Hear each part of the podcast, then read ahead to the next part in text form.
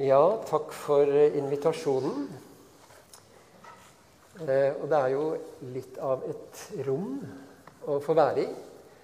Å sitte og se den veien som dere ser nå, det var veldig til hjelp for å kjenne at nå er jeg i et annet rom. Nå er jeg for en annens ansikt. Eh, så gratulerer med det bygget.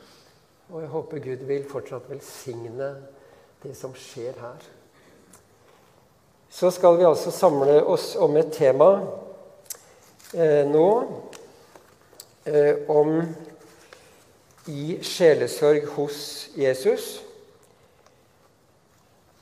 Da er det en sentral tekst vi skal se på etter hvert. Men la oss først tenke noen tanker før vi går inn i selve teksten.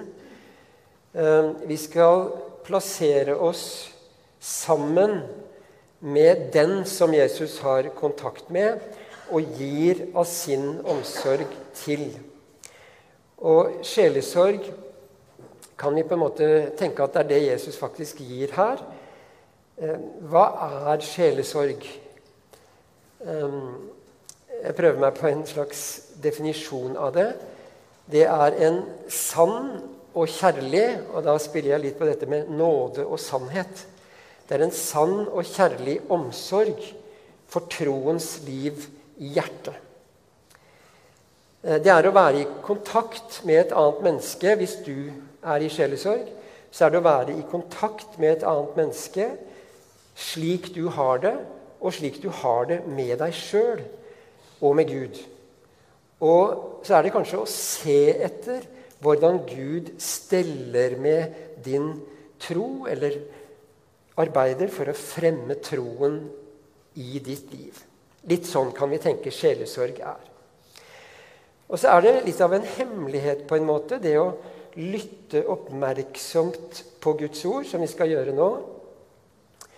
Eh, for da er det et eller annet med at Guds ord er jo stort sett fortellinger fra en veldig gammel tid, egentlig. Men hemmeligheten med Guds ord, i motsetning til alt annet vi kan lese og fordype oss i, så blir vi reelt sett samtidig med det vi leser. Ikke sånn at ting vi hører om i teksten, er akkurat sånn vi har det, eller der vi er. Selvsagt ikke. Men fordi Jesus, som er hovedpersonen i teksten, fordi han lever, er stått opp igjen og er helt uavhengig av tid, så er det et eller annet med at vi kan tenke at Jesus kommer til oss og blir samtidig med oss i teksten. Derfor er det alltid veldig sånn håpefullt å, å lytte til eh, det som framkommer i teksten. Jesus i møte med et menneske, Jesus i møte med deg, Jesus i møte med oss. Han er samtidig med oss. Og han er like gjerne i en kontakt med deg som han var i en kontakt med det mennesket vi hører om nå i fortellingen etter hvert. Så vi kan altså bli med inn i fortellingen, som handler om like gjerne om deg og han som det mennesket den gangen, og Jesus. Og Sånn er Guds ord. Ifølge Hebeerne 4 så er Guds ord levende, og det er virkekraftig, det er virksomt. Det, det, det steller med oss eh, når vi utsetter oss for det. Og det er skarpt, ikke bare på en sånn dramatisk måte, men skarpt betyr det skjærer litt igjennom, sånn at vi, vi, vi, vi får være der vi er i våre liv. Eh, så det, det trenger gjennom. Så sjel og ånd og marg og bein og hjertets tanker og planer. Det betyr egentlig i møte med Guds ord, i møte med den Jesus som trer fram, så kan vi være akkurat der vi er. Eh, tror jeg er noe av hemmeligheten så vi altså, lytter vi nå til selve teksten for dette møtet mellom Jesus og et annet menneske. Matteus 15, 21. Så dro Jesus derfra og tok veien til områdene omkring Tyrus og Sidon. En kanonesk kvinne fra disse traktene kom og ropte. Herre, du Davids sønn, ha barmhjertighet med meg. Datteren min blir hardt plaget av en ond ånd. Men han svarte henne ikke et ord. Disiplene kom da og ba ham, 'Bli ferdig med henne, hun roper etter oss.' Men han svarte, 'Jeg er ikke sendt til andre enn de bortkomne sauene i Israels hus.' Da kom hun og kastet seg ned for ham og sa, 'Herre, hjelp meg.' Han svarte, 'Det er ikke rett å ta brødet fra barna og gi det til hundene.' 'Det er sant, Herre', sa kvinnen, 'men hundene spiser jo smulene som faller fra bordet hos eierne deres.' Da sa Jesus til henne, 'Kvinne, din tro er stor. Det skal bli som du vil.' Og datteren ble frisk fra samme stund. Her er det altså et menneske som først og fremst eh, kommer. Hun kommer på et rykte om han. Ehm, og hun har sannsynligvis fått med seg at han nå er i nærheten. Dermed så kan hun lokalisere han, ikke sant? ganske enkelt. Hun, hun, vet, hun har hørt noe om han, og det hun har hørt, er noe sannsynligvis ganske godt og sterkt, som hun tror på. Eh, rykte, og så hører hun han er her i nærheten. Da går hun. Han vil jeg til. Han må jeg møte. Det er ofte liksom troens eh, bevegelse, det der. Å liksom oppdage et eller annet med han og kjenne lengsel, et eller annet i eget liv som gjør at han må jeg møte. Og Vi kan med det også tenke at det som allerede skjer her, at det er hun som trekkes mot Jesus. Vi kan fokusere veldig på henne og tenke at oi, hun har jo oppdaget noe her. Og så er det noe fint ved henne at hun bestemmer seg. Men vi kan like gjerne tenke at allerede det er Guds innvirkning i et menneske. At mennesket følger sin lengsel når de hører om Jesus. Så på en måte allerede det er liksom troens dynamikk. At et menneske begynner å bevege seg i retning av 'Han vil jeg høre på. Han vil jeg være hos'. Eh, og det er det som nå skjer. Ofte er det nettopp det at noe klemmer i livet. Noe er eh, vanskelig, noe gjør litt vondt. Eh, noe er vrient å bære uten å tenke at det må bli annerledes i livet. Det er ofte det som gjør at mennesker søker sjelesorg. Det burde ikke være noen veldig høy terskel for det, men erfaringen er faktisk at for mange så skal det liksom klemme litt til før man tar det skrittet, oppsøker et annet menneske, en annen kristen, og, og, ønsker omsorg for sitt liv med tanke på at Gud finnes, og her er jeg med i mitt liv. Eh, og mange gjør det ikke når alt oppleves sånn passe levelig, og dessverre da ofte Jesus sånn passe viktig. Da, da, er det liksom ikke så veldig aktuelt å søke sjelesorg. Her møter vi et menneske som er i en posisjon hvor hun faktisk roper eh, når hun nærmer seg Jesus. Hva er det som gjør at vi av og til roper? Det gjør de fleste av oss ikke veldig ofte, kanskje. Det er når du er redd for å ikke bli hørt. Hvis du møter et menneske som du kjenner igjen og håper ser deg, men du befinner deg på et jorde, og mennesket der borte på veien, og du er redd for at det mennesket bare går forbi og ikke ser deg, så vil du sannsynligvis heve stemmen inntil du roper for å få kontakt. Når du frykter at det er egentlig ikke noen kontakt å få her, så vil du rope for å få den. Det gjør hun. Eh, og Av og til så er det jo ikke fysisk avstand det gjelder. Eh, men det kan være den derre engstelsen for at egentlig blir jeg vel ikke hørt her. Eh, Egentlig er vel ikke det andre mennesket helt interessert i meg. Eh, denne kvinnen hun, hun, hun, slipper til hjertets rop. Hun har kanskje opplevd masse avvisning i sitt liv, blitt overhørt. Eh, ikke, folk har ikke brydd seg noe særlig om henne. Eh, så kan godt hende at det er liksom det eneste hun liksom har igjen. Det er et sånt rop etter eh, noen som kan hjelpe henne. Men du kan godt tenke på om det ikke er også et slags rop i din sjel. Um, at du kjenner på en avstand mye i ditt liv. Det er ikke sikkert det er sånn, men for noen er det sånn at man kjenner på en utrygghet, en indre avstand. Er det så sikkert at Gud egentlig er så veldig interessert i meg? Og, og det, det, finner du ofte bevis for ikke sant? ved å vite en del om deg sjøl. At du er sløv og svak og disse tingene. Og så blir det en avstand. Hvis du lytter til ditt hjerte, så er det kanskje en, et, ikke noen fine bønner der, men det er et rop. Et rop etter at han skal være eh, barmhjertig, ta imot deg.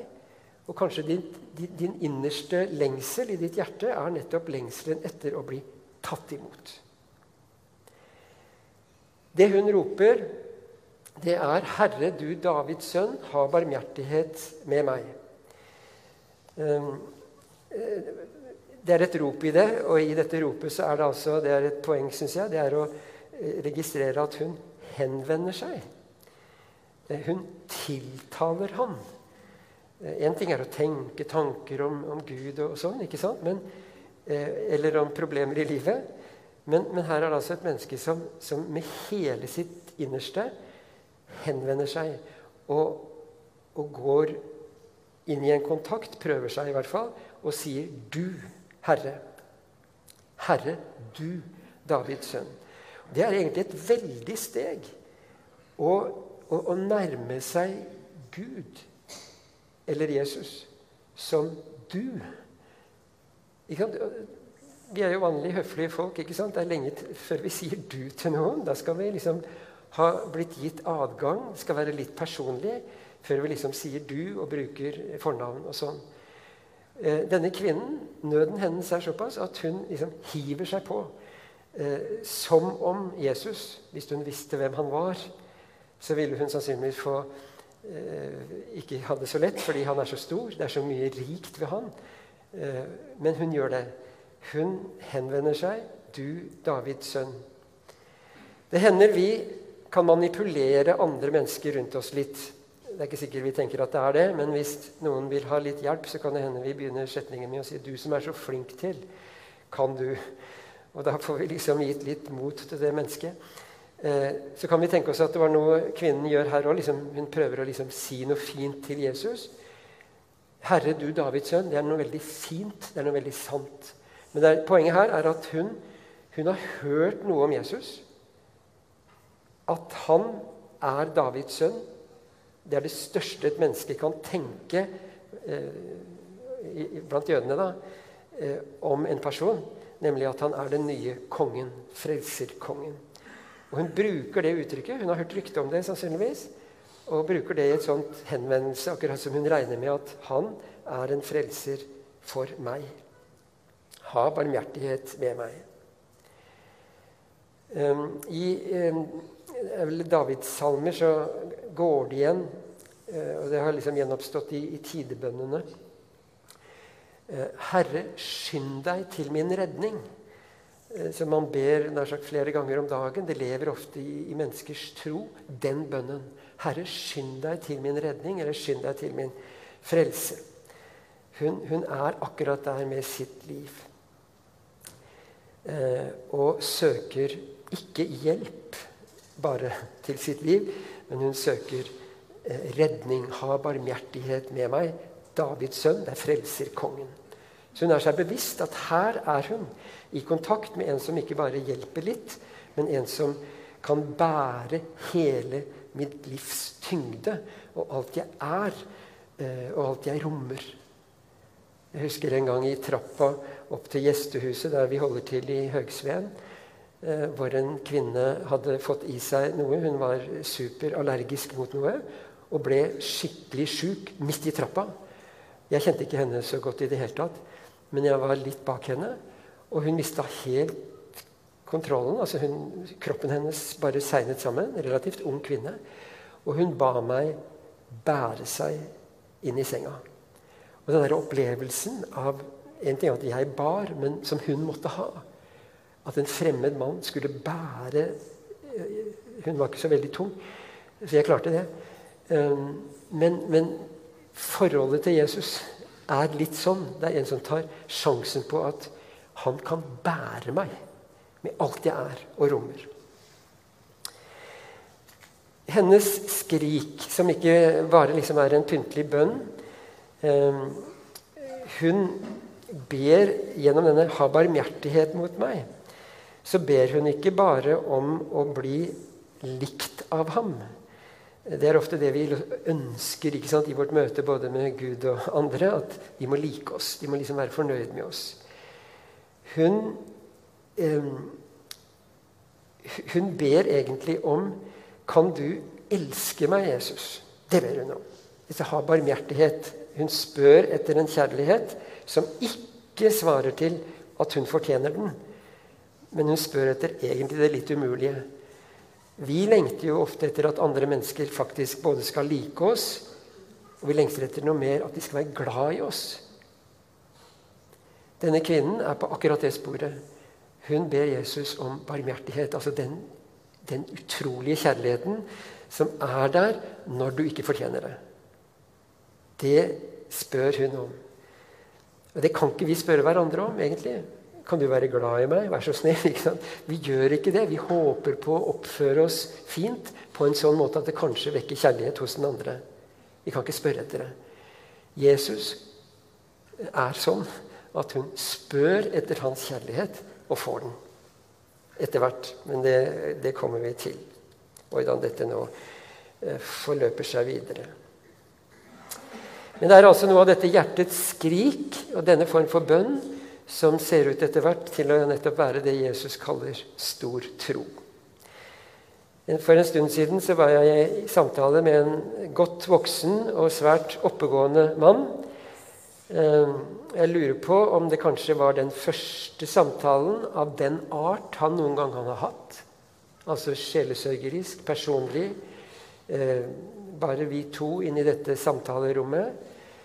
Eh, han fortalte etter hvert at han hadde prøvd gjennom hele sitt voksne liv å være eh, innafor.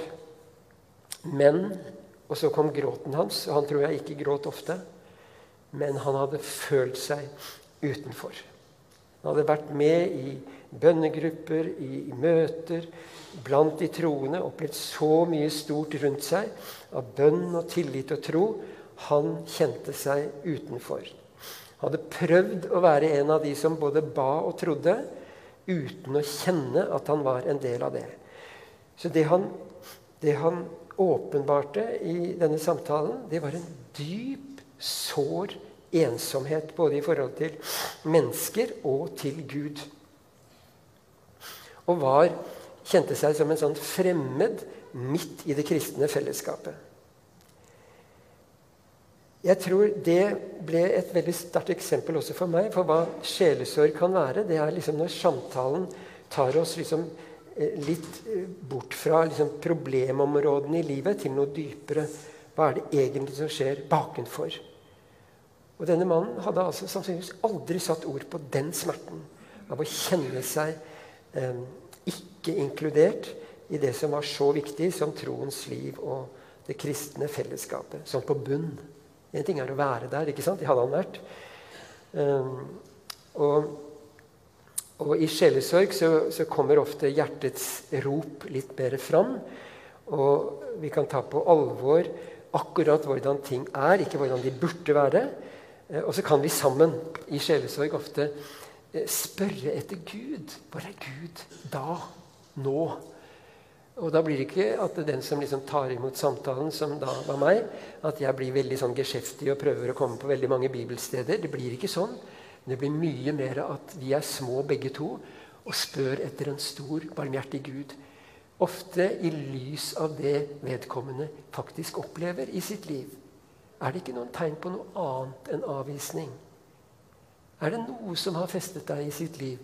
Og så går det an å på en måte lytte og lete sammen etter Guds innvirkning.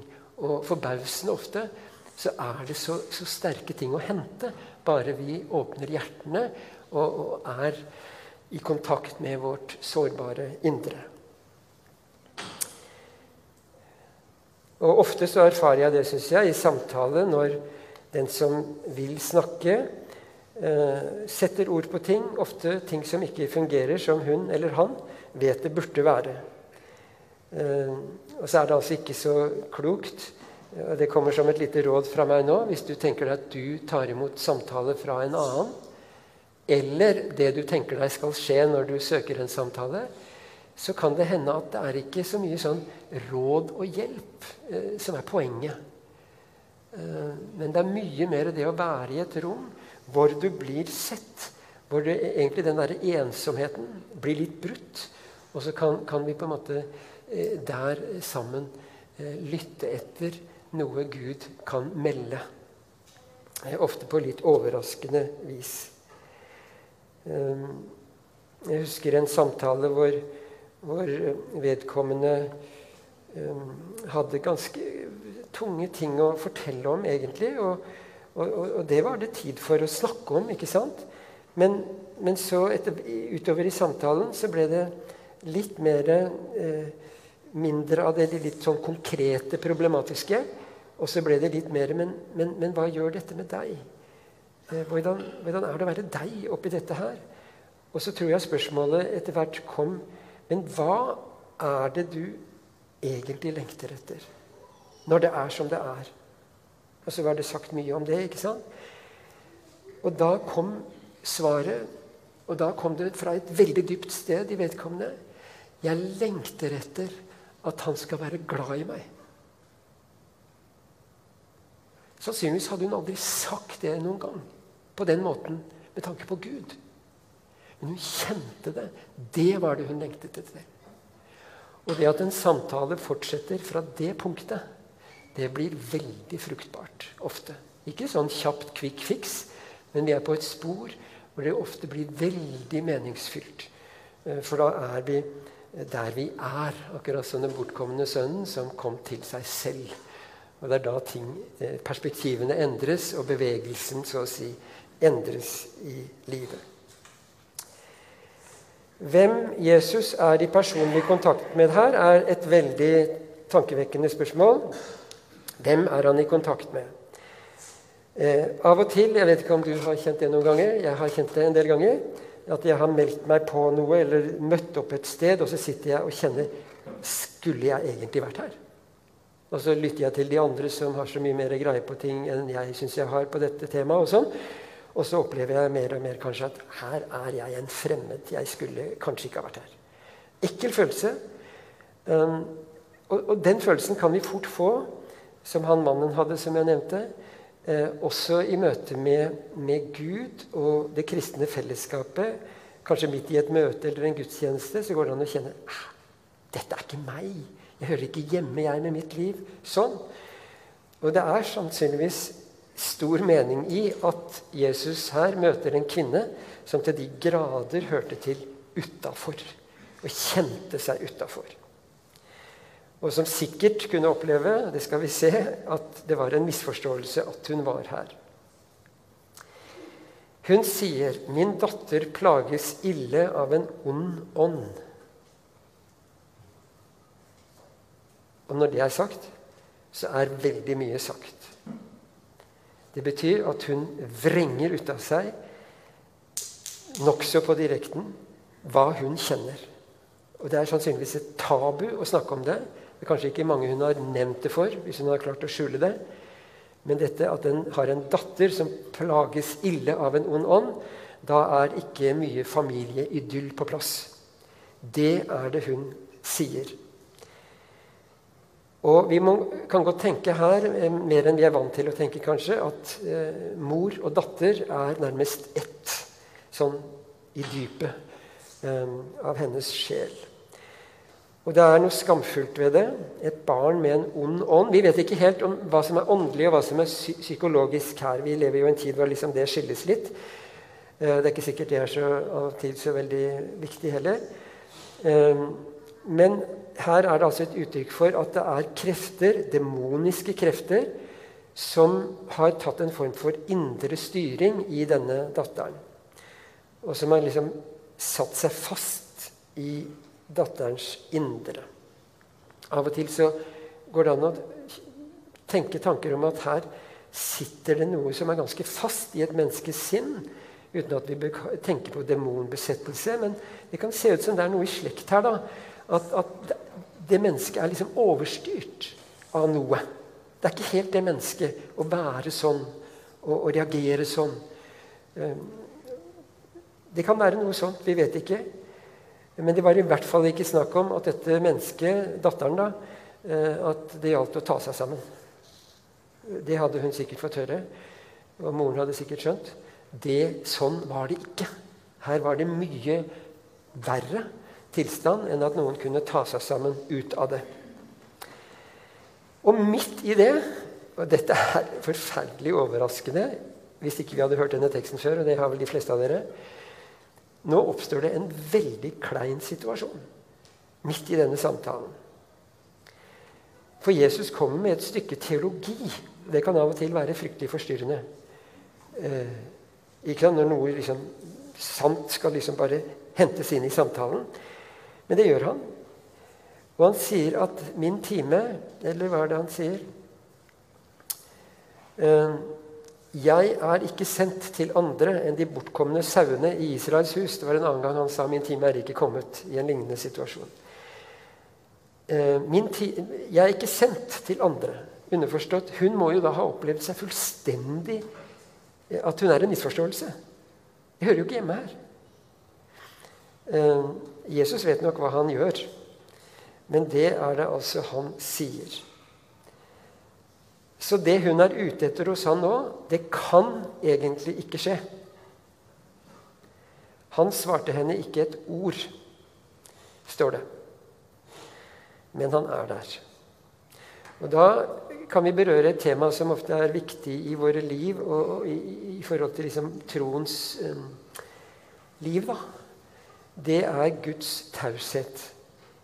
Det er å oppleve at Gud ikke svarer. Eller rett og slett oppleve Guds fravær.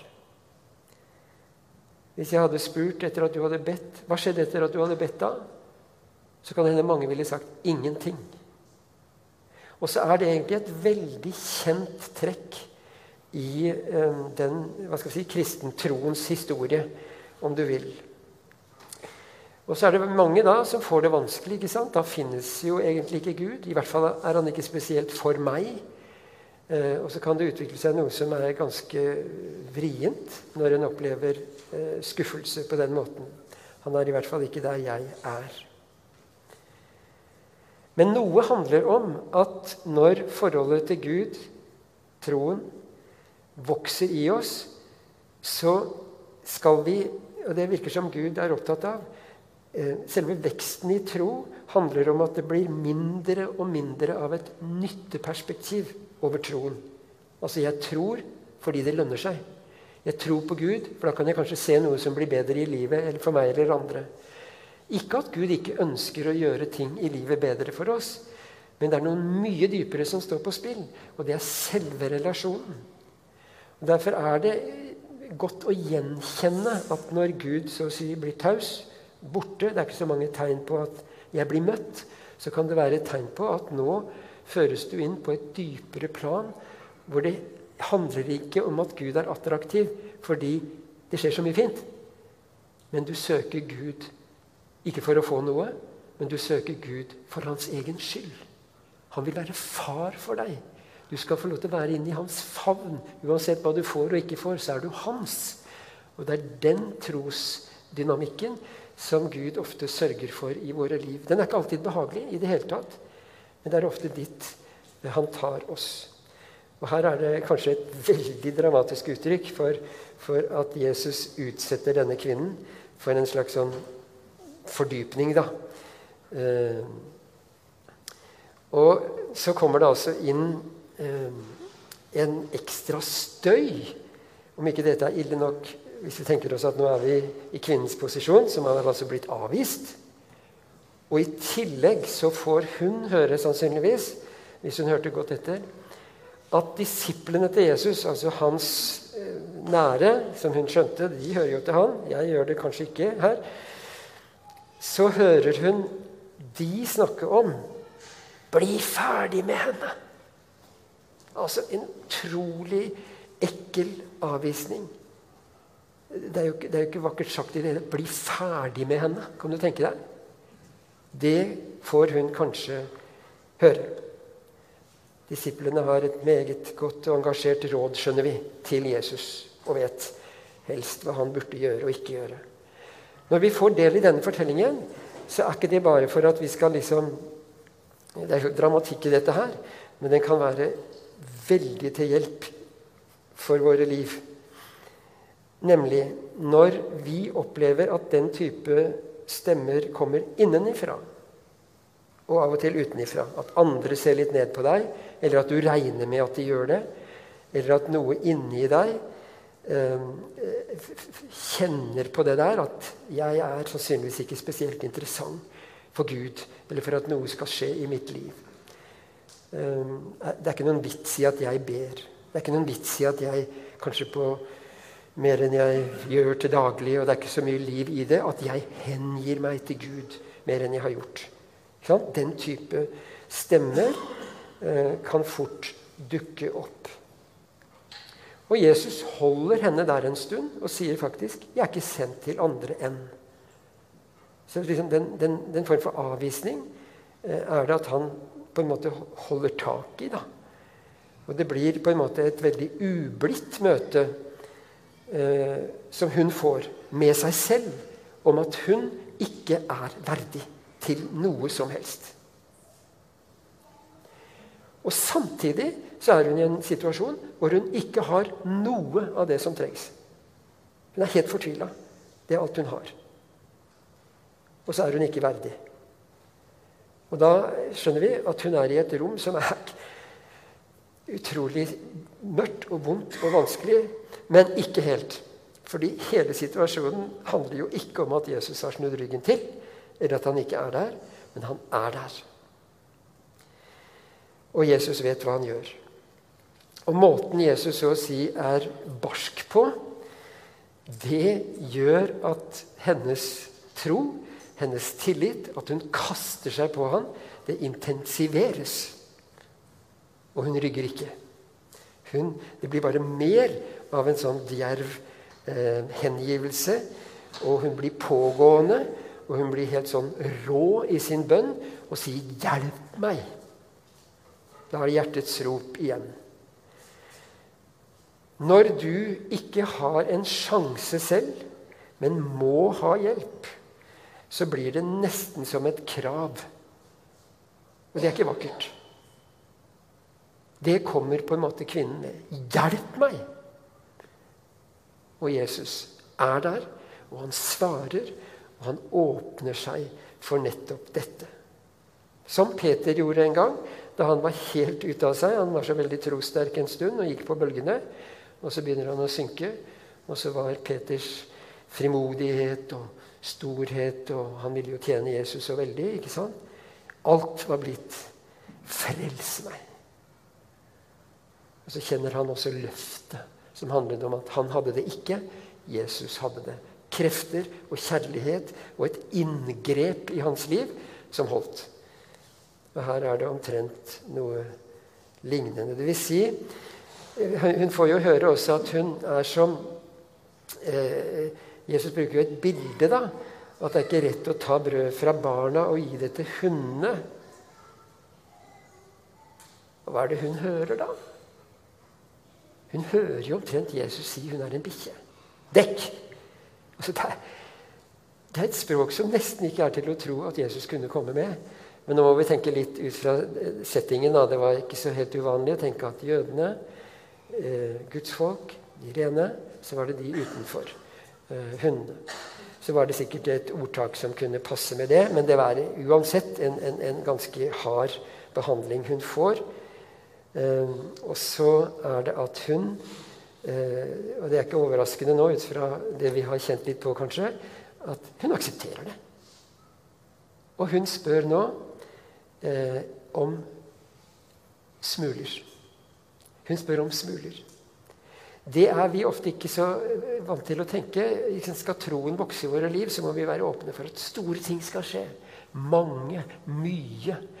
Og vi, vi, vil gjerne liksom få til noe som blir stort og viktig. Eh? Særlig rundt deg og meg, og vi er nær oss sjøl.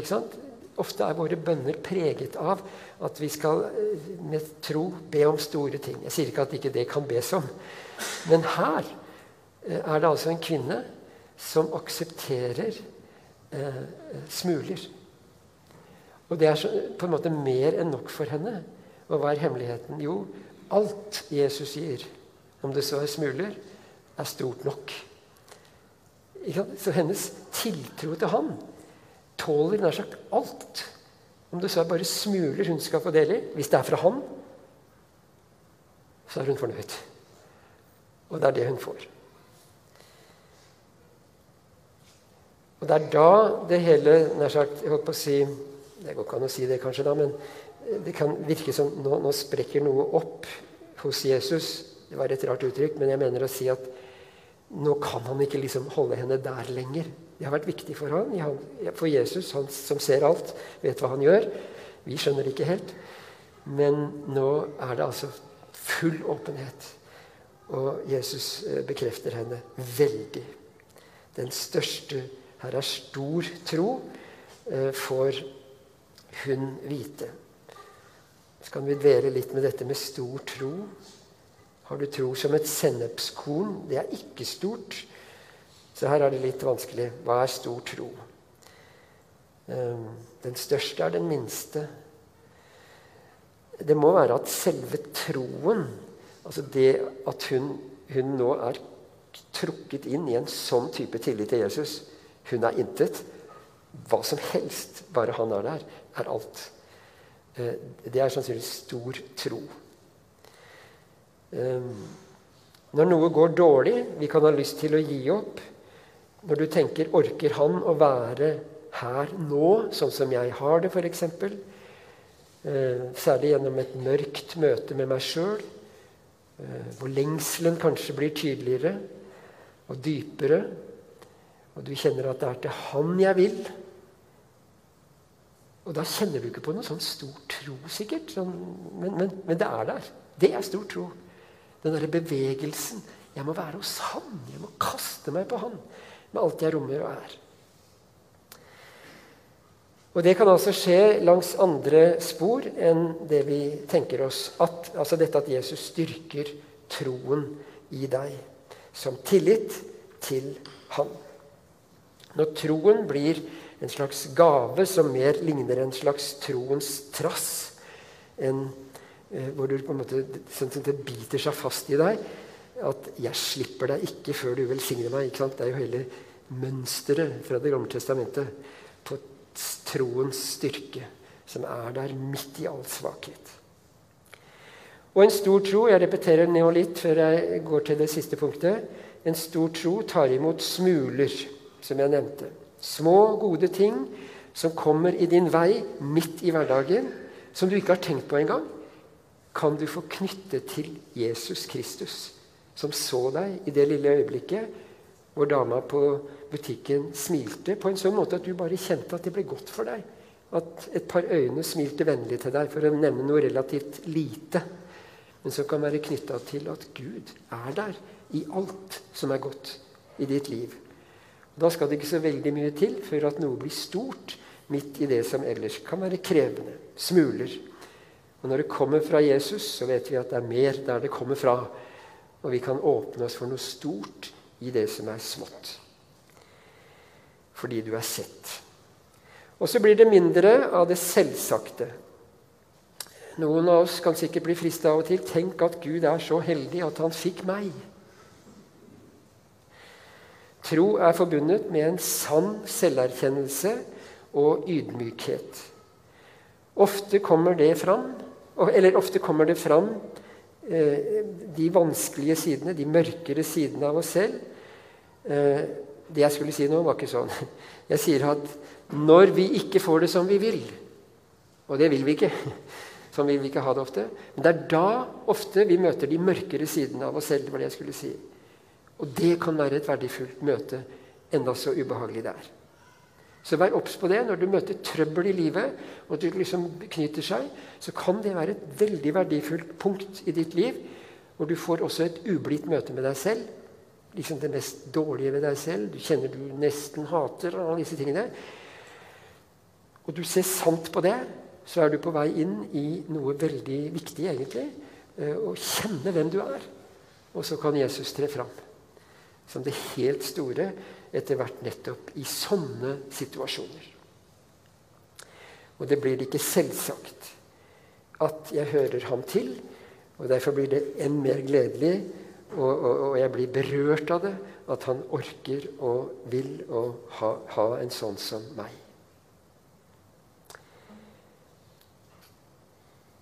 Noen har jo gitt seg til å leve med denne bønnen som kvinnen ba Leve med den så å si i pusten.